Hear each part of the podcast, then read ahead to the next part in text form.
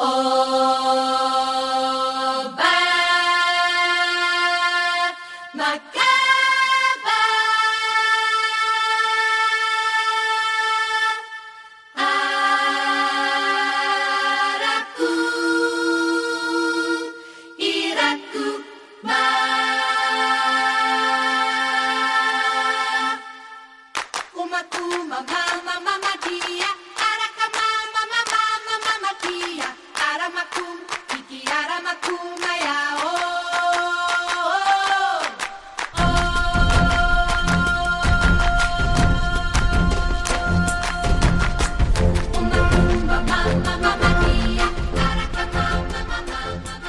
Goeienaand. Ek is Christel Webber. Dis lekker om weer saam met jou te kuier. Vanaand kuier ons by Martinus Passon en Johan van Lille en Marina Griebenhou gesels oor vanjaar se teaterhoogtepunte in die Kaap.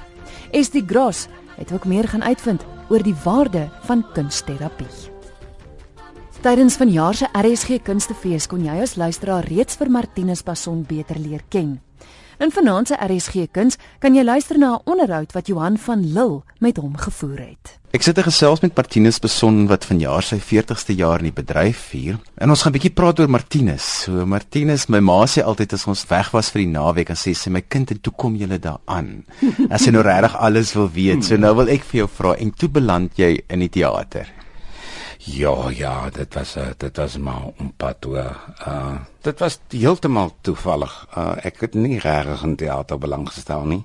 Ons het sulke goed soos Hester die Maltrap gesien op die platteland en so, so dit was nou ek het nie eintlik gehou van wat jy sien nie. Dit was nie vir my fascinerend nie.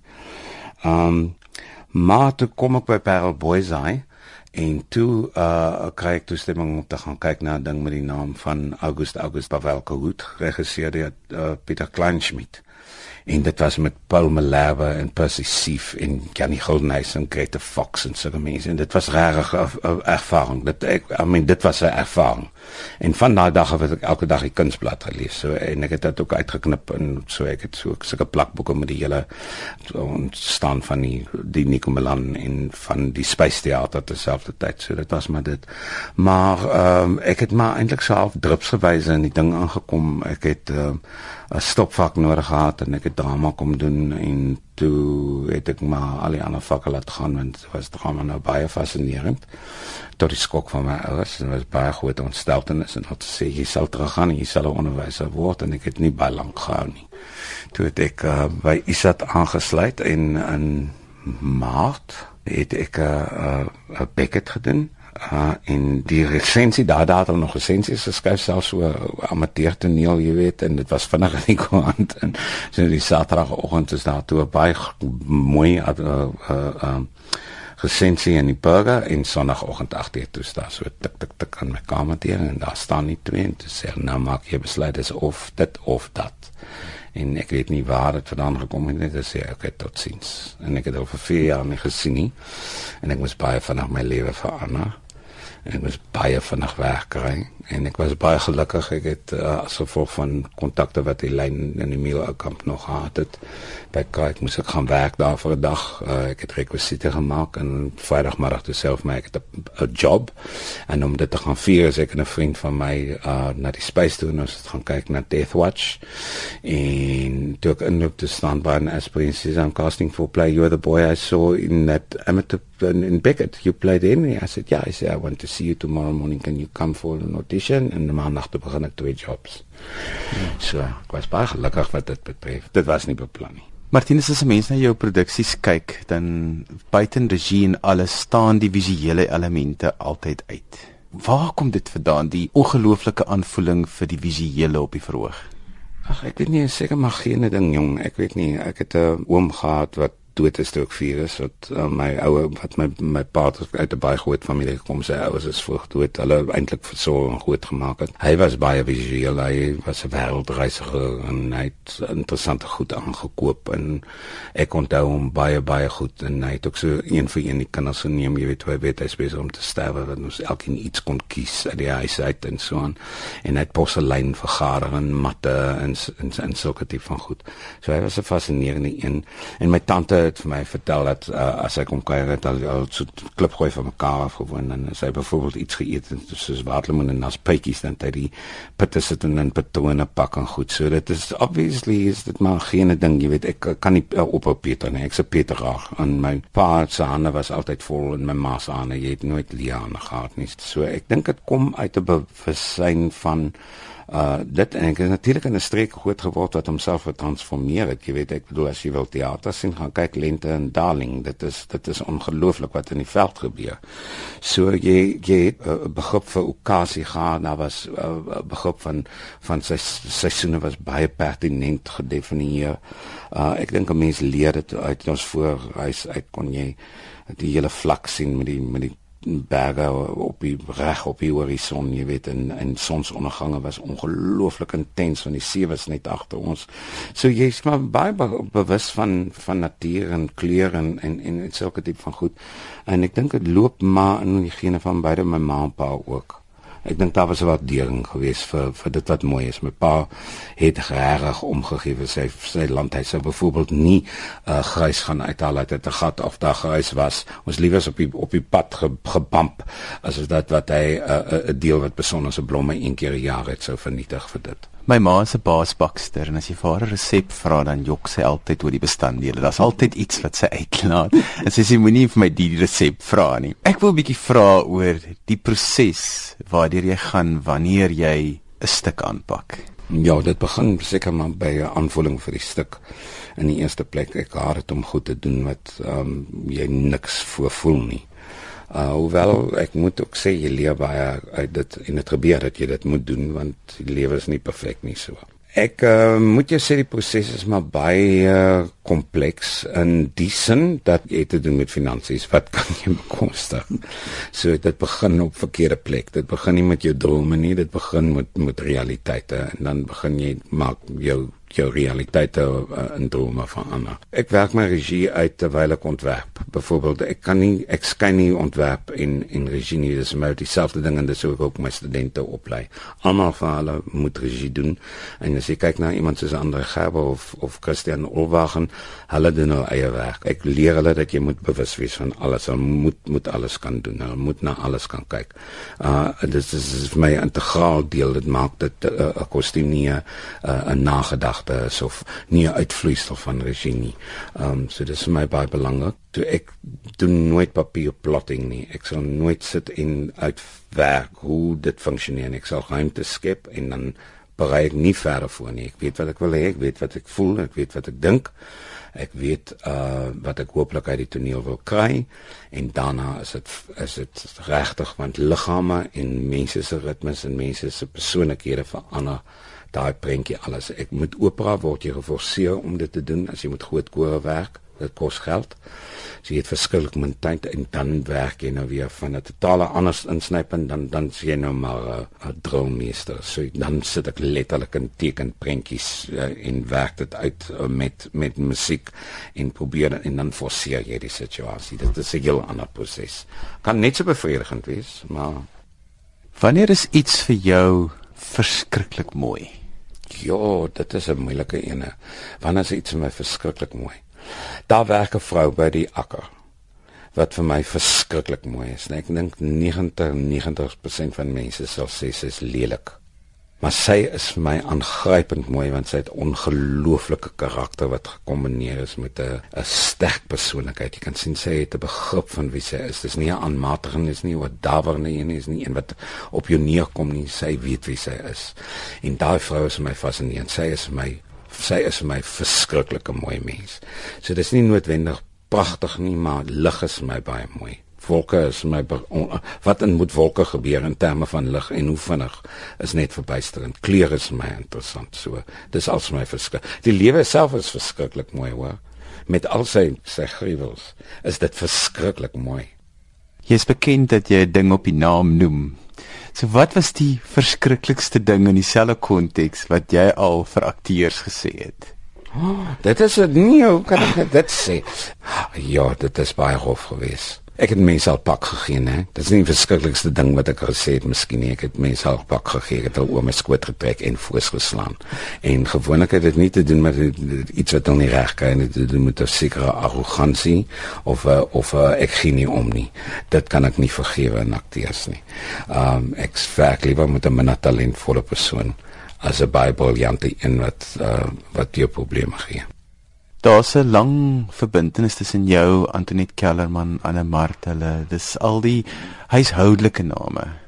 Wanneer jy met hulle op die verhoog werk, hoe hoe staan daai proses? Want julle is ook almal op meer as net professioneel by mekaar verbind. Jy moet baie mooi verstaan, ek is nie vriende regtig met Antoinette so baie kwaad wees my maar mense is nie vriende op 'n ek kan by jou konstant in mekaar se boeksak 'n uh, uh, verhouding met akteurs nie. Ek wou nogal af van dat daar effe afstand is. Ek het hopelik goeie verhoudings met hulle, maar ek hou ook daarvan dat dit formeel bly. Um ek het baie maklik gemaklike verhoudings met uh met met met tegniese mense. Hulle dat dit 'n bietjie van meer van 'n ander span gees wat jy moet moet skep daar. Maar akteer is 'n baie sensitiewe ding. Um en een van die voordele daarvan om gereeld met mense te werk as jy leer al ken, jy leer al proses ken, jy leer al tekortkominge ken, jy leer al quirks ken en en dit beteken dat jy dit kan hanteer of verwerk en ook soms net verduur. Jy weet wat ook belangrik is. Um dit is dit sny net 'n enorme hoop werk uit die pad. Ek weet jy so baie keer as jy met 'n jonge akteur werk, voel tog dan werk al so hard om jou te probeer beïndruk. Dis eintlik vermoste tyd. Dit is dit is verby die die nodige. En ek probeer regtig baie hard om om wanneer ek met jonge spelers werk, geen onderskeid te tref tussen hulle en 'n ervare speler. Jy het seker verwagtinge van en ek vind dat as jy seker goed van mense verwag, is hulle nogal baie vinnig bereid om by jou aan te sluit uh, na jou toe te kom. Jy het oor die jare 'n klomp interessante produksies gedoen. Van hulle was baie aktueel en sommige van hulle het ook baie reaksie ontlok. As 'n regisseur so 'n produksie aanpak, ek dink aan 'n klomp die Breiten Breitenbas wat jy gedoen het wat mense uitgestap het. Hoe dit jou laat ek moet jou sê ek het nog nooit uitgegaan met 'n produksie in die hoop om te skok nie ek doen werk wat ek dink iets te sê het wat 'n uh, hopelik 'n uh, sekere vorm van kommunikasie met 'n gehoor wil bewerkstellig. Mense wil laat dink. Soms eh, moet jy moet jy mense gee dit maar so 'n bietjie van 'n elektriese skok gee om wakker te word. Mense is maar baie keer in gemaksones en so. Maar dit is vrees aan Jan want wanneer iets gebeur soos wat byvoorbeeld gebeur het in ek dink dit is seker die, die eerste ervaring van my lewe. Ek het 'n pragtige aanmele gedoen met Niels Kutsie en Antoinette Kellerman en ek was die dag nie by die ek het iets anders gaan kyk en ek loop terug en ek tog maar die gehoor kom dan uit. Ehm um, wat gaan aan? Jy weet ek bedoel ek kan nie verby wees as ek laat. Nee, dit is nie en toe ek inloop in die saal en kyk so tussen die sterwerk nie. Toe sien ek Antoinette en Niels sit en Antoinette is is, is asbleek en sy sit met haar kop so effe agteroor, jy weet en jy kan sien sy moet so beklei om haar trane terug te hou en mense stroom letterlik in hul horrors uit. Dit was daar was daar seker 'n walkout gewees van ongeveer 250 mense. So daar het so 80 mense agtergebly en hulle het vir 10 minute moes chipstil sit om hierdie mense wat klater oor met taal uh te laat gaan voordat hulle kan aangaan met speel wat hulle gedoen het, jy weet professionele mense wat al is. En ek wil jou sê dat dit is was vir my seker die moeilikste ervaring in teater want dan sterf jy namens jou akteurs. Jy jy, jy, jy wil nie mense in so 'n situasie sit nie. Dit is baie erg en dit sny baie diep in jou. Uh ek is nie bang vir kritiek nie want kritiek is normaal. Dit moet kom met alles. Wat ek soms mis uh is is goeie debat. Mense het baie keer net kritiek maar nie 'n debat nie en ek vou van 'n debat. Daar moet 'n moment wees waar jy werk gedoen het, waar jy sit en kyk en jy dink, "Sjoe, hier kom alles nou bymekaar uit. Ek sit nou in die middel van hierdie en alles het net gewerk." Watter van daardie produksies het vir jou uitgestaan? O, is bitter man. Uh daar is 'n paar. Ek sou sê um Anatomitis for of Rome het dit gebeur. Ek sou sê um hulle se uit in lopend ook. Ek sou sê dit as dit mee gebeur en ding boy meets boy het dit gebeur. Jy weet waar jy regtig nie eintlik verwagtinge het vir goed nie. Jy weet nie wat wat gaan gebeur nie en dit net kliks. Um 'n ander produksie waarop ek baie trots is en jy weet dit is baie keer die goed waarmee jy sukkel um, soos byvoorbeeld ek is nie nie trots op Boklied nie maar wat ek geleer het uit Boklied het eers begin blom in Willem Anker se se se se slaghuis. Jy weet waar hy voel al die taal wat wat wat wat, wat jy mee gesukkel het kom by mekaar en klik. So dan dan ja, dan raak dit baie lekker en opwindend. Maar dit het baie te doen met die met die psigologiese kompleksiteite van 'n spesifieke groep mense. Hulle klim op op 'n tightrope in dans of hulle doen nie. Jy hang daaraan uh, as jy dit op het anders lê die ding ook maar soms net op die grond jy weet en dan kan almal net maar doen wat hulle wil jy weet is dan nou nie meer van afval nie dan moet jy net maar sirkus maak jy. Jy is nog steeds besig om teater te maak, maar jy's ook besig om teater van die toekoms te vorm deur jou werk met studente. Wat kry jy daaruit om met hierdie jong talent te werk? Dit is 'n ongelooflike voedingsbron. Dit is 'n ongelooflike onbeskryflike voorreg om met met jong mense te kan werk. En mense wat jy weet wanneer jy 29 is weet jy alles. En jy jy jy het die energie van die eindelose energie. En hulle is baie baie baie meer uh, uh gevorm as wat ons was as jong mense want ons blootgestel aan soveel meer.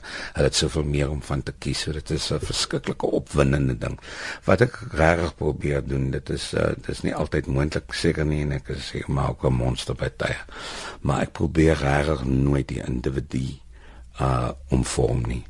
Dit is my baie belangrik dat mense hulle eie stem kry, want anders sê jy nie bestaanreg nie. Jy moet 'n stem hê.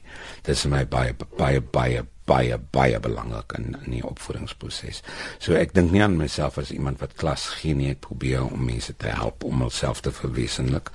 En dan net jy altyd elke jaar is daar ten minste 1 2 3 soms in sommige jare is jy so gelukkig dat jy Willem van der Walt, Christian Owagen en en Wessel Pretorius almal in dieselfde klas het jy weet dan dan short circuit jy want dan vergeet jy dat jy dat jy dat jy besig is om om om klas te gee. Dan werk jy soos wat jy sal werk in die professie.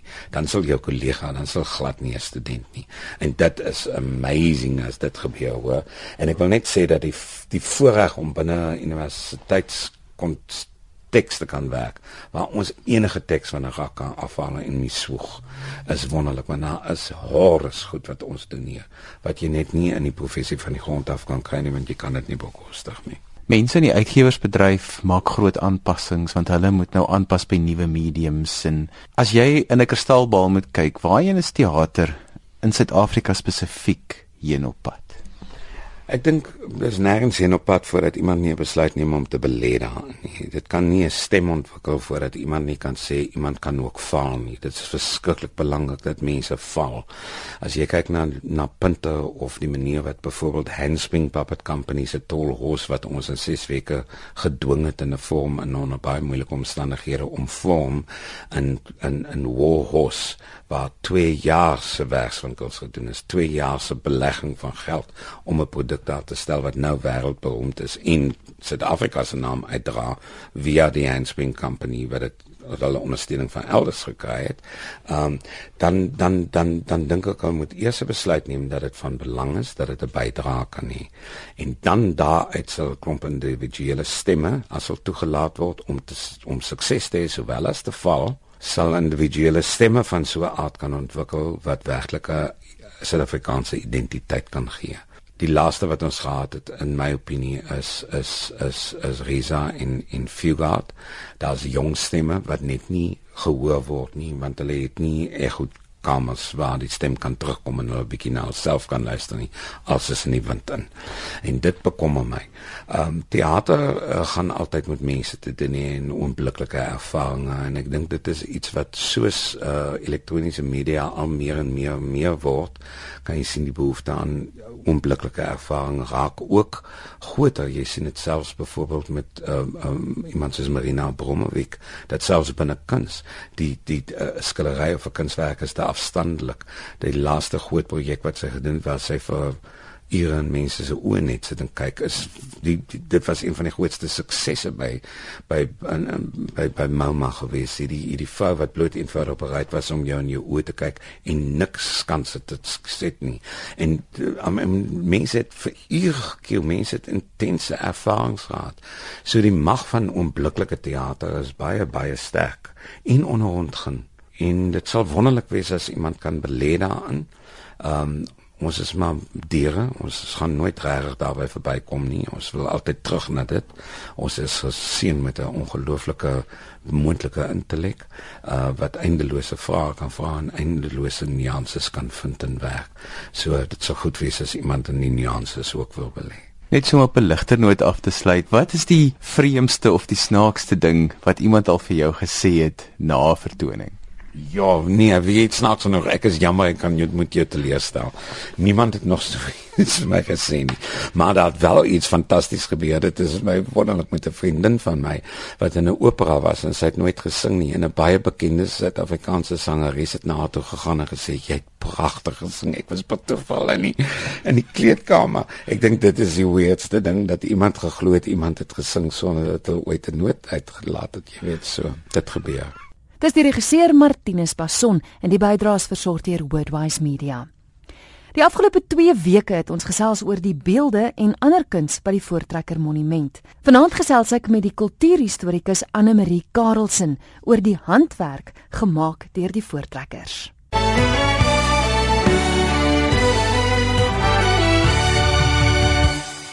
Anne Marie, ons staan nou hier onder in die Voortrekker Monument. Dit is een van die onderste vertrekke en Ons begin by 'n glaskas wat vol van die voortrekker kappies is. En in my lewe het ek nie geweet dat daar soveel werk in 'n kappie ingegaan het nie. Ja, mens kan net in verbasing hier staan want ons het hier 10 kappies. En elkeen van daai 10 kappies lyk anders. Hulle het elkeen 'n ander versiering op hulle. Ek wil net graag vir julle vertel, daar word gesê dit het 'n vrou 3 maande geneem om dit te maak. Mens moet nou onthou sy moes haar normale huishoudelike take ook gedoen het. En dan was dit 3 lae. En sy het 'n lepel gevat en met die lepel bietjie in die vuur gegaan en dan sy in die middelste laag vir haar die patroontjie getrek. Dan het sy garings gevat. Dit uitgetorring of 'n stukkie lap gevat en uitgetorring en dit al op daai versieringspatroontjie gesit en dan van bo af met haar hand elke steekie deurgewerk. En ons staan hier en ons sien blare, ons sien blomme, ons sien driehoeke, ons sien diamante om te wys hoe elke vrou haar eie identiteit in haar kappie ingeplaas het. Dis verskillende soorte kappies. Hier's die dagkappies en dan is daar ook kuskappies wat jy gesê. Ja, die kuskappies is gekleurde kappies daar was in daai jare die mooiste brokate en sy satyne beskikbaar. Ons kyk hier vir 'n blou, 'n grysblou en 'n bottelgroen wat julle almal so goed ken die woord en hulle is dan heeltemal op 'n ander manier gevorm maar baie baie handwerk, deurstukwerk en die vrou sal dan as sy kerk toe gaan, sal sy daai mooi gekleurde kappie sal sy dan dra ek voel ek wil dan net met julle deel. Onthou, die eerste naaimasjien in Suid-Afrika het eers in 1852 gekom.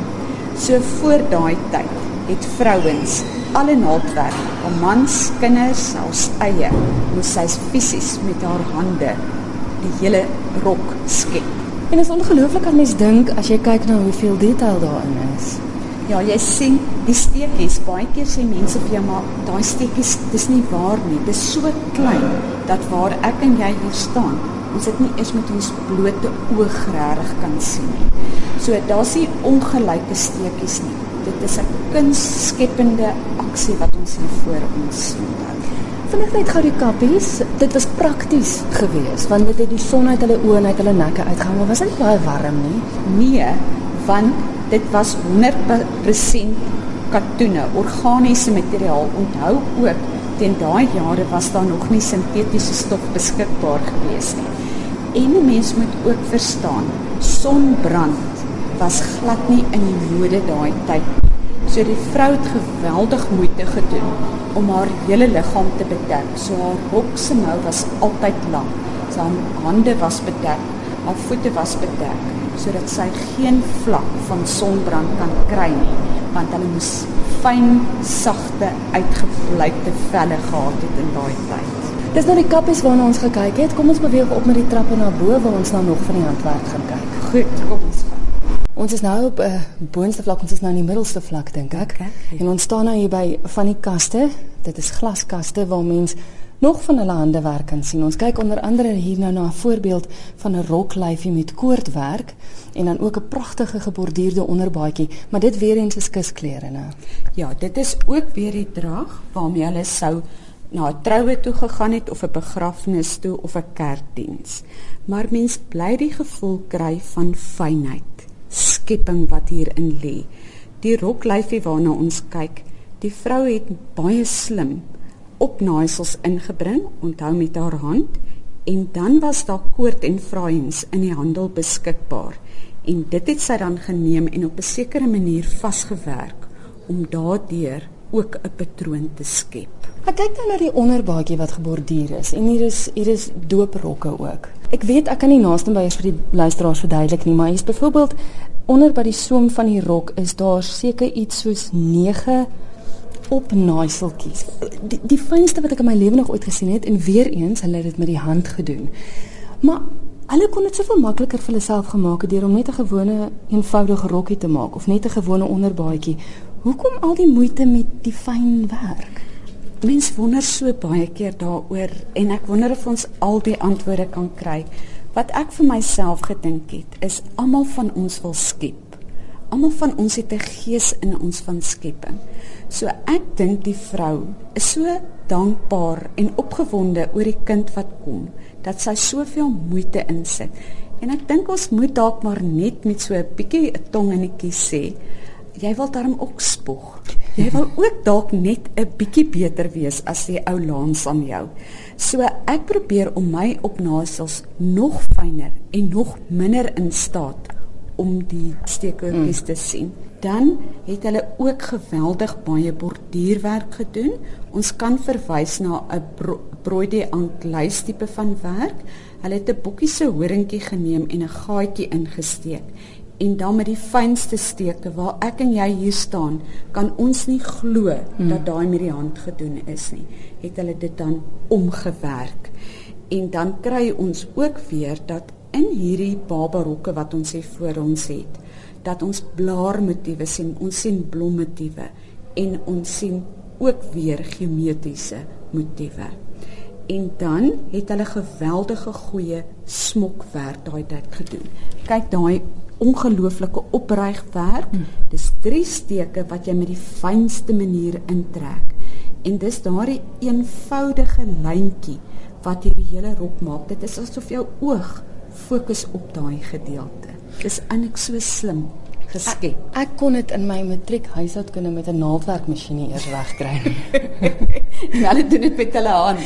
maar ek dink dit kom terug by wat jy vir my gesê het. Dit was nie net bloot om vir jou man en jou kinders klere te maak nie. Dit was eintlik ook 'n liefdesdaad geweest. Definitief was dit 'n liefdesdaad. Sê nou maar die twee jong mense begin vir mekaar kyk en begin besef maar daar's gevoelens tussen haar dan kon die jong dame, onthou ons praat hier van 12 jaar, 13 jaar, kon sy dan vir die man 'n tabaksakkie maak. En sy het verweelmateriaal gebruik en dan met borduurwerk en kralewerk. En ons moet onthou daar's die mooiste kralewerk in daai jare gemaak. Het sy vir hom iets geskep en dit was haar geskenk aan hom om haar liefde dan te wys. En almal het baie goed dan nou ook geweet wie vir wie die sakkie gemaak. so dit het dit het baie daaroor gegaan dat dit half ook 'n um, 'n eis is. Ek vertoon waar my liefde dan nou lê. In hierdie selfde kas is daar ook 'n rookmis. Wat is 'n rookmis? ja, wat is 'n rookmis? Dit het jy opgesit. Dit is reeds vroeg al teen 1828 gebruik dat die man 'n rookmis op sy kop gesit het om te verhoed dat sy hare dan na rook ruik, veral as hulle in 'n huis opset is. So hulle kom uit die Kaap, maar hierdie word saamgeneem in die kus en ek gebruik dit weer hierbo as ek weer in 'n huis intrek dan. Daar's nog 'n ding wat ek opmerk en dis merklappe. Weer eens, ekskuus, wat 'n merklap? Hierdie dogter moes geleer het. Onthou, dit was deel van hulle opvoeding. Hulle moet kan naaldwerk eendag doen. Hulle moet kan borduur eendag en daarom word daar 'n lap geneem. En dan word sy nou gesê jy sit nou en nou gaan jy jou steke oefen. So dit is waar die oefenlap vandaan kom. En ons moet onthou, ons praat van die dogter, sy kon 8, 10 gewees het. En nou kyk ek en jy vir ene. Wat vir my altyd so wonderlik bly van hierdie merklappe is dat ek kan erken wat hierop is. Mm. Ek sien hier 'n lewensboom. Dit is een van die volksmotiewe wat uit Europa kom. En dit was om te sê, maar dit is wat my lewe vorentoe is. Ek vertak in verskillende rigtings.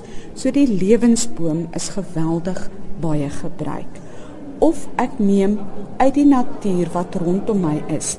So ons sien skape en voëls en partykeer 'n perd en of 'n vaas. So iets wat jy by jou het, hmm. verander jy en jy sit dit in kuns om. Net langs dit is daar dit lyk soos boeke en ek sien die een is 'n geslagsregister ook en dit lyk asof daar op geverf is. Het hulle dan verf saam met hulle getrek? Ja. Ja, ehm um, wat wonderlik is, ons het 'n hele lys nagegaan van ehm um, wat het die smous aan hulle verkoop.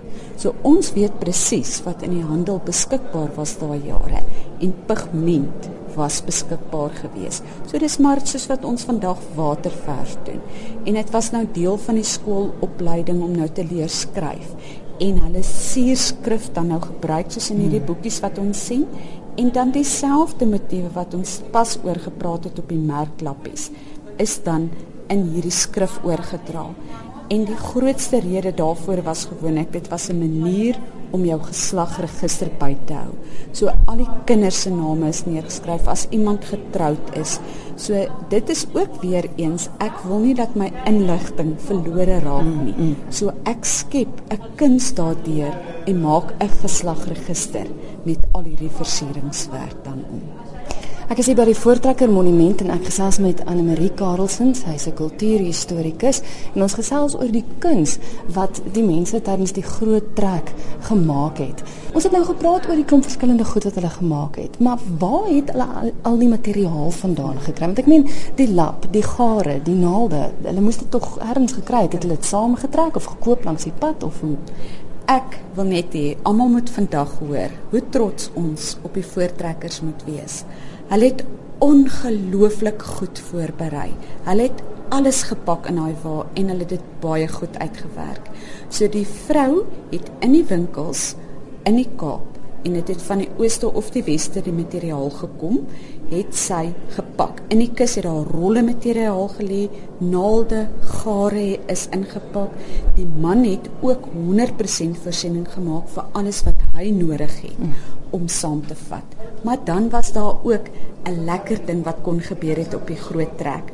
Onthou 'n smous wil verkoop en handel was nog altyd of dit ruilhandel is of geldhandel. So die smouse het van die Kaap af die pos gebring en waar hierdie trekkers ook al was in groot groepe en hulle het geweet waar dit is.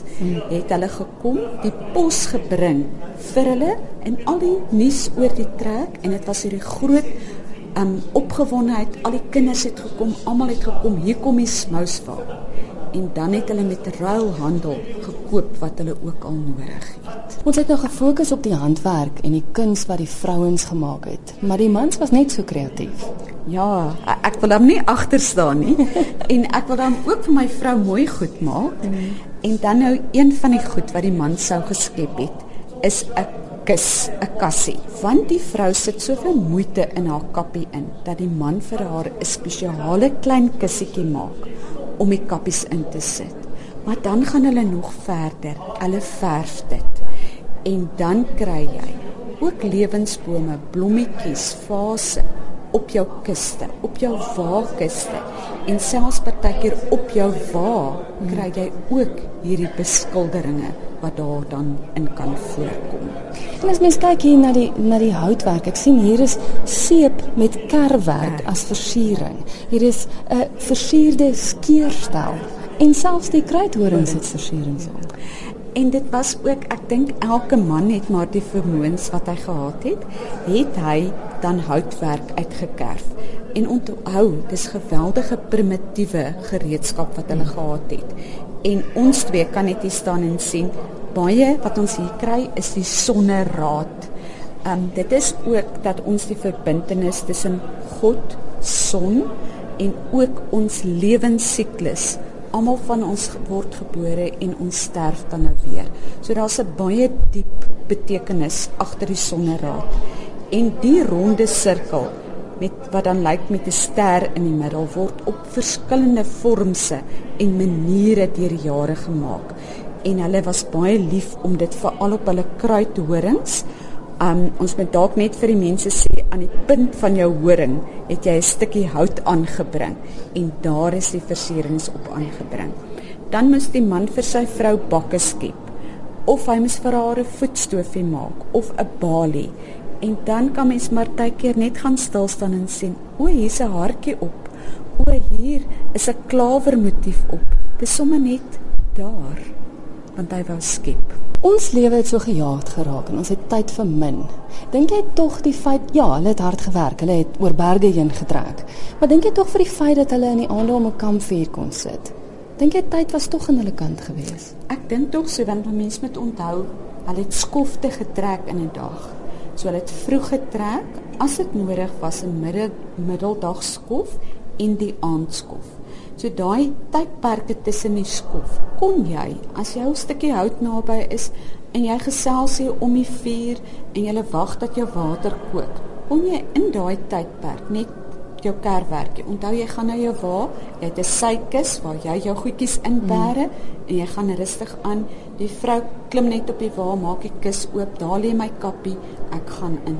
So ek dink hulle het ook daai tydperke tussenin gebruik om aan te gaan met werk eintlik. Onthou dit was hulle moes die bak hê, hulle moes die kappie hê. Maar in die proses kom jou gees dan uit en jy skep dan in dieselfde proses. Ek het gesels met Anne Marie Karelsen oor die handwerk van die voortrekkers. Anne Marie is 'n kultuurhistorikus. Jy is ingeskakel hier op RSG en jy luister na die kunsprogram elke Dinsdag aand tussen 8 en 9 saam met my Christel Webber. Vir die volgende bydrae Hier is Estie Gras. Kunsterapie is 'n terapie waaraan daar min blootstelling gegee word. En ek het met die gemeenskapsberader Nikki Rennie van Lefika Lopodiso, die kunsterapie sentrum, gesels daaroor. Nikki, wat is kunsterapie? Kunsterapie is 'n erkende internasionale vorm van terapie. Dit is effektief vir kinders, vir jeug, vir volwassenes. Dit is die oorbrugging tussen die bewussyn en die onderbewussyn. En dit is wat dit effektief maak. Daar's verskillende metodes verskillende mediums wat mense kan gebruik. Dis verf, teken, collage, beeldhouwerk en dan om so dit te gebruik jy op die proses te fasiliteer. Nou, wat onderskei kunsterapie van ander terapieë? Kunsterapie is 'n fisiese terapie in die sin van dis nie soos verbale terapie waar 'n mens kan besluit wat jy sê en wat jy nie sê nie, waar die kunsterapie 'n fisiese objek is waarmee jy sit. So jy kan so ook die proses deur 'n werkswinkel of so sien van waar jy begin, waar jy eindig het, het 'n fisiese proses. Ook is dit minder intimiderend as verbale terapie. So dit kan oor verskillende grense gebruik word. Mm. Dit mhm. kan oor kultuurgrense, taalgrense, verskillende grense kan dit oorbrug en ook met kinders en jeug wat dit moeilik vind om te kommunikeer. Kan so met die kind uitbeeld. Watter benadering volg julle in kunsterapie? Die kunsterapie is baie uniek in die sin van dat elke kliënt, elke groep elke situasie sal verskil en die manier hoe mense dit hanteer sal verskil. Byvoorbeeld 'n trauma groep of byvoorbeeld jeug of byvoorbeeld volwassenes, sal jy verskillende aktiwiteite gee om te doen. Een van die goeie wat mens kan doen met veral mense met seksuele agtergronde of of probleme met hulle liggame sal wees wat hulle noem 'n body map waar jy sal ontleed en uh, die mens sal sy eie liggaam voorstel met hoe hy teken en hoe hy werk. So ek dink dit is baie uniek vir elke geval sal 'n mens laat die kliënt dit lei. Maar so elke situasie word anders benader. Elke situasie is uniek. Moet jy kan teken of skilder om kunsterapie te ontvang? is glad nie so direk soos hoe 'n mens wat jy korrek teken nie. Dit is meer in die manier hoe 'n mens die materiale gebruik en hoe jy die hele proses volg. Of jy byvoorbeeld fyn met 'n potlood sit en teken of jy woes krap met die potlood dat die papier skeur. Sal verskillende emosies, verskillende uitbeeldings, verskillende ontledings uitbring. So jy hoef glad nie as sulks kunste kan doen nie. Dis uitbeelding. Wat is die verloop van 'n kunsterapie sessie? Elke kunsterapie sessie sal die verskillende tipe persone of dit individue is of dit 'n gemeenskap is of dit 'n groep is, sal ook die manier van die projek as ook hoe hulle dit gebruik en hoe hulle dit doen, lei eintlik die sessies. So waar mens sal begin is deur die groep se identiteit te gebruik en hulle spesifieke probleem of spesifieke krisis waarmee hulle werk te adresseer en deur hulle dan die inligting te gee deur wat dit beteken en wat die projek is wat jy gaan doen sal jy so die hele proses begin. Werk jy individueel ook met iemand in 'n groepsessie? Die groepsessies in Suid-Afrika is 'n spesifieke model hier om meer mense te kan bereik. Jy kan met individue ook werk in die groep voel veral die gemeenskappe voel veiliger om in 'n groep te werk. Hulle voel nie uitgesonder nie. En dan wanneer die projek voltooi is en die groep weer bymekaar kom en dit bespreek, kan die individu self dan praat en ons kan deel en ons kan saam praat en verstaan en ontleed. Maar daar is sommige mense wat nie wil deel nie, wat nie wil deelneem nie. En dis ook reg, is ook goed. En wat is die voordele van kunsterapie? Kunsterapie veral in Suid-Afrika is 'n baie praktiese metode om terapie toe te pas. Dit kan oor taalgrense, kultuurgrense, alles oorbrug. Dit is ook in Suid-Afrika baie prakties omdat ons veral met die model wat ons gebruik, groter gemeenskappe kan bereik om dit by meer gemeenskappe, meer individue te kan uitkry om meer mense sielkundige hulp te kan verleen, dat hulle in groepe kan werk. So in Suid-Afrika is daar baie trauma in die sin van misdaad, geweld, drank en dwelmmisbruik, moord, HIV. Daar is verskriklik baie verskillende aspekte van ons daaglikse lewe wat eintlik verskriklike negatiewe invloede op die gemeenskap kan hê.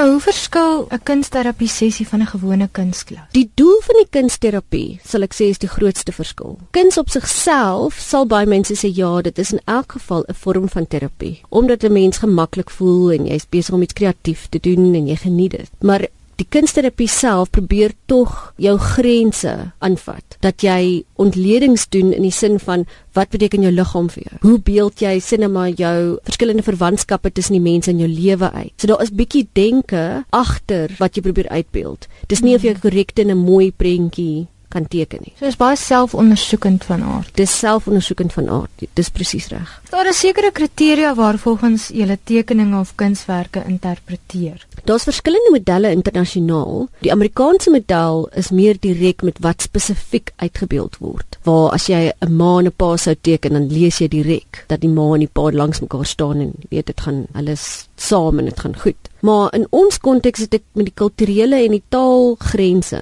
agtergekom dat dit meer akkuraat is om te ontleed die grotere konteks hoe dit geteken word, hoe dit uitgebeeld word, op watter medium, op watter manier en nie net so direk wat geteken word as 'n karakter of 'n simbool nie. Kan dit nie 'n baie subjektiewe ding wees nie? Is elke persoon se interpretasie van die betekenis van 'n werk nie anders nie? Dit is almal is uniek en dit is die ek dink waar party mense sou dink dat die sielkundige of die beraader leiding gee. Dit gaan eintlik oor die individu. So selfs met die ontleding van die stukke, is dit die individu wat sal sê ek het hierdie so en so geteken en dan kan die beraader miskien in 'n rigting net korrekte vrae vra. So dis meer om die korrekte vrae te vra en belang te stel as wat dit is om vir die persoon oplossings te gee.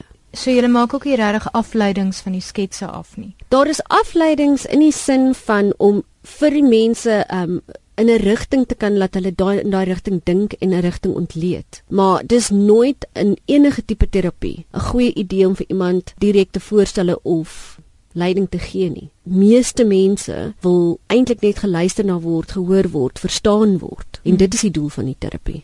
Waar kan kunsterapie oral gebruik word? Kunsterapie het 'n baie breë toepassing. Dis met kinders, met jeug, met volwassenes, dis oor alle verskillende groepe, verskillende gemeenskappe. Dit kan omtrent vir enige tipe werkswinkels, trauma, groepswerk, spanbou, dit kan allerlei verskillende maniere toegepas word op verskillende wyse en verskillende gebiede. Dis die beraader Nikki Rennie en Estie Gross het met haar gesels.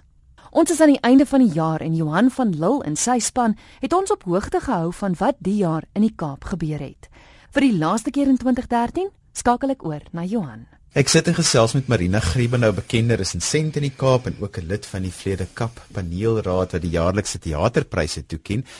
Marina, dit was 'n besige jaar in die Kaap vir teater. Wat het alles gebeur in die Kaap want ons gaan so 'n oorsig gee oor al die lekker dinge wat mense kon na gaan kyk. Johan, ek dink ek moet begin deur te sê ek is moe. Ons sit elke aand in die teater. Dis waar. Ehm um, ek kla glad nie daaroor nie want dit is 'n groot voorreg. Ek moet sê vir Vreerde Kap het ons vir hierdie jaar min of meer 80 stukke, net so oor die 80 stukke wat gekwalifiseer het, maar dis goed, dit is natuurlik nie al wat 'n mens sien nie. Ek gaan kyk waarskynlik die meeste goed wat in die Kaap aan die gang is. En ehm um, daar's twee goed wat nog vir my uitstaan hierdie jaar en dit is dat ons al hoe minder solo stukke gehad het. In die afgelope paar jaar as gevolg van hoofsaaklik ekonomiese oorwegings en omdat ons nie meer vaste teatergeselskappe het nie is daar oral so 'n klein teatergeselskappe wat wat begin het en hulle het vreeslik baie solo stukke gedoen. Maar dit begin al hoe meer ons kry meer ensemble stukke groter stukke en dan veral baie stukke met 2 3 4 mense in solo stukke is wonderlik en ek bedoel daar was hierdie jaar fantastiese goed maar dis lekker om weer lekker ensemble spel ja, te sien ja lekker samespel te sien Wat was vir jou wat uitgestaan het? O, jene. Ehm um, ek dink hierdie jaar is waarskynlik kyk kyk my eerste liefde is natuurlik drama, maar ek dink hierdie jaar gaan bekend staan as 'n jaar van die musiek bly speel. Ons het voete geklop van die begin van die jaar af met Dirty Dancing dink ek was die eerste een gewees. Nou ek was nie so horriesagtig beïndruk daarmee gewees nie, maar daar die jong meisies, ek het in 'n saal in 'n teater gesit wat die hoërskoolmeisies omtrent hulle um, nikkers gegooi het soos hulle vir die Beatles gedoen het. En dan is daar Jersey Boys. Hy het dit alles geoverrule. ja, ek moet vir jou sê as as ek twee dit is so moeilik om te kies want elkeen van hulle voldoen aan aan aan aan verskillende dele van 'n mens aan behoeftes wat mense het op verskillende vlakke. Jersey Boys is my ek moet ek vir jou sê as mens kyk na die groot West End Broadway musiekblyspel as dit kom by gehalte, as dit kom by spel, as dit kom by sang, sang elke liewe tegniese aspekte, elke liewe aspek, 'n goeie teks, goed ontwikkelde karakters, want dit is natuurlik gebaseer op 'n werklike storie oor Frankie Valli and Four Seasons. En so dit elke liewe lied in daai van hy musiekblyspel was in 'n stadium 'n treffer geweest. Maar dan was daar ook natuurlik die David Kramers en Ja, daar was Blood Brothers van David Kramer geweest en natuurlik die een wat die Kaap soos 'n storm getref het is die Rocky Horror Show by die Fugard. Ek moet vir jou sê waar jy in die Kaap gaan sien jy daai wonderlike Brendan van Rein as as Dr Frankenfurter oral. Ek bedoel ses ses ehm um, duim stilettos en ja, korset. Dis die grootste Rocky wat ek al gesien het. Ek moet sê ek ek verkyk my aan daai skouers en hande van hom. Jy weet want as hy die eerste slag daar uitkom, jy van hom trend om van van net uh, dis so dis so onsagwekkend op 'n manier. En hulle bly vol sale trek. Hulle speel nou al so lank, hulle bly vol sale. Hulle speel nog tot hulle speel nog tot einde Januarie en sover ek weet is dit omtrent vol bespreek tot einde Januarie. So as jy nog enigsins 'n kans, ek weet dat dit Sondagmiddag het hulle ook 'n vertoning met mense soms bietjie van vergeet, maar doen jouself vergins en gaan sien want dit is groot pret. Wat so lekker is van daardie tipe produksies is dit trek die massa sodat ander produksies wat minder wat bietjie meer 'n nuus gehoor trek nou weer ook daarom 'n kans kan kry om in die ander kleiner teaters te speel. So dit is eintlik wonderlik om hierdie hierdie groot produksies te doen wat baie mense trek. Ja, ek wat ek dink wat ons almal maar weet is dat die musiekblyspele subsidieer drama. Hmm. So vir ons wat lief is vir drama is ons ons is verskriklik dankbaar daarvoor. En ons natuurlik op die oomblik Sunset Boulevard wat ook dis een van Lloyd Webber se grootwerke en daar's wonderlike musiek in en ons dis regtig dis 'n klein opvoering, hulle noem dit 'n bonsaietjie uh of 'n bonsai opvoering omdat dit soos 'n klein boontjie is of 'n klein musiekblyspelletjie, maar dit is fantasties. Dis regtig 'n kwaliteit, 'n gehalte produk. Wat is in die teaters wat vir jou um, wonderlik was? Ek dink dit sal die maklikste wees as ek as ek my geliefkoeste stukke moet kies vir hierdie jaar. Ehm um, die my die, die stuk wat uitgestaan het vir my was 'n stuk van Johannesburg af toevallig. En dit is The Miser wat Sylvain Strike die um, regie van gedoen het. Lionel Newton het 'n kragtoer gelewer in die hoofrol van, van Harpagon. Dis gebaseer op op 'n ou toneelstuk wat ek dink omtrent 300 of 200 jaar oud is. Ek kan nie presies onthou die ouderdom nie. Ek het ehm um, van Molière. En ehm um, dis 'n klug, maar dit is die regie was briljant en sy het dit so so gemaak dat dit dat mense dan kon kyk en ek o my vader ons het nou nog sulke mense hierso. Dit was die aand wat ons almal wat daar gesit het die moegste was. Ons eh, om een of ander rede was ons almal verskriklik moeg en ons het almal nou uitgedans. Ja, maar jy het, jy het absoluut met 'n met 'n ligvoets daar uitgegaan en net gedink, oh, dit is wat teater behoort te wees. Dit is dis alle elke aspek is weer een. Soos soos wat ek met Jersey Boys gepraat het, kan ek oor The Miser praat in in toneel toneelmatig. 'n 'n sterk teks wat Sylvain so goed verwerk het, briljante toneelspel, uitstekende stel, interessante, fascinerende kostuums, pragtige beligting. Dit was regtig en en jy was die hele tyd meegevoer geweest. So dit is my gunsteling produksie van die jaar as dit kom by dramas. Nog, ons tyd is min. Okay, laat ek vinnig praat. Ehm um, my my my geliefkoeste solo stuk en dit is ook iets wat heeltemal nuut is, is was the Epicene Butcher and Other Stories for Consenting Adults. Nou dit is Gemma Khan. Sy het by Rhodes gestudeer en dis word gedoen in die tradisie, dis 'n Japaneese storie vertel tradisie. Uh, hulle noem dit Kamishibai. En wat jy het, het jy seker storieborde en dan die akteurs staan eintlik stil maar met hulle stem en hulle lyf en deur hierdie storieborde te verander. So in 'n dis amper so 'n oudtydse TV, TV van die van die middeleeue of iets. Ehm um, vertel sy die storie en dit was sy doen seker so so ses stories in 'n in 'n uur lank en dit was ongelooflik. Ek was meegesleer die hele tyd. Ehm um, een wat mens moet noem is Three Little Pigs. Ek weet hy het by die Woordfees die beste produksie gewen en ehm um, daar was van ons van ons RSG luisteraars sou dit definitief gesien het by die verskillende feeste en dan ehm um, ook The View. Nou dis twee verskillende verskillende verskillende stukke, maar albei van hulle het regtig 'n groot impak gehad. Natuurlik soos dinge op die oomblik in die land gaan en met die met die nuus gebeure op die oomblik en so is Three Little Pigs so relevant geweest want dit dit neem die, die verhaal van die drie varkies en op 'n satiriese wyse vertel dit die storie van ehm um, uh dis net die hele Richard Mcleary sage en die intelligensiedienste en al daai goeders baie baie interessant.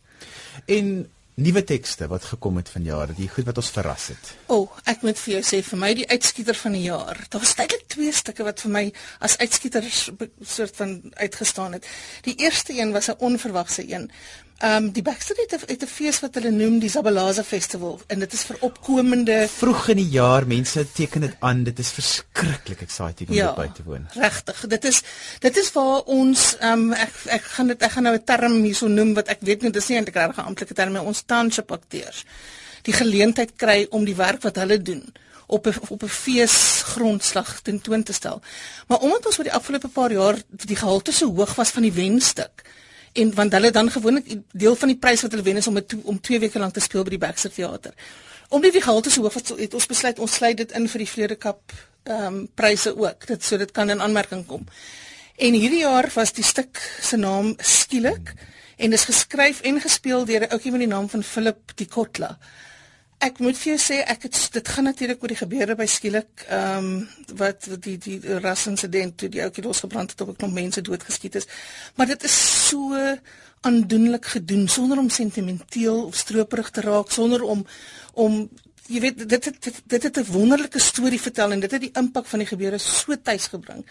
Dit was regtig ek was uit my sokkies uit ehm um, verras en net aangenaam verras. Ek wil dit was regtig 'n wonderlike stuk werk van van so jong akteur.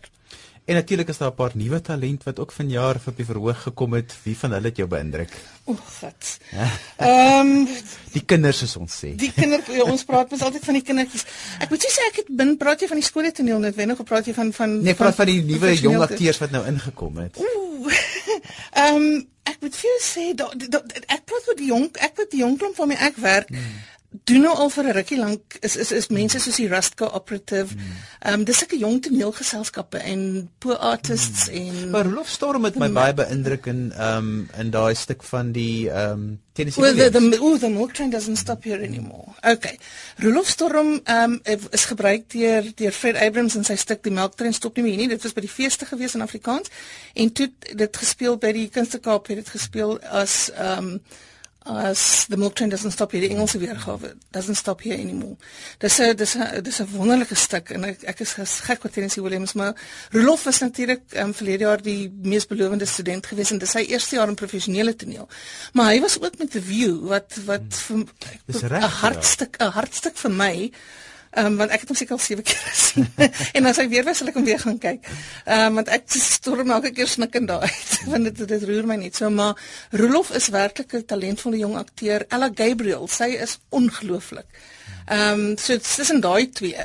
En ek sien binnekort kom ehm um, Street Name Desire kom weer aan die begin van volgende jaar uh, Kunste Kaap toe. En ek het vir Ella dit sien speel as 'n student.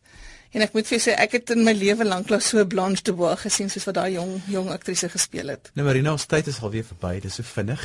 As jy die jaar met opsom in 'n paar sinne, wat sou jy sê op teatergebied? My grootste begeerte vir ons teater in die Kaap en in die hele land is dat die ongelooflike werke wat ek op die Afrikaanse feeste sien, ook in ons hoofstroomteaters gespeel kan word. Ek dit as dit gebeur, sal my beker oorloop, dan kan jy my maar vat en jy ek weet nie of jy moet veld toe gaan nie maar dan dan kan jy my maar vat, want dan dan dan dan's alles volbring sover sover my betref. Dit is Marina Griebenhou wat haar wens uitspreek.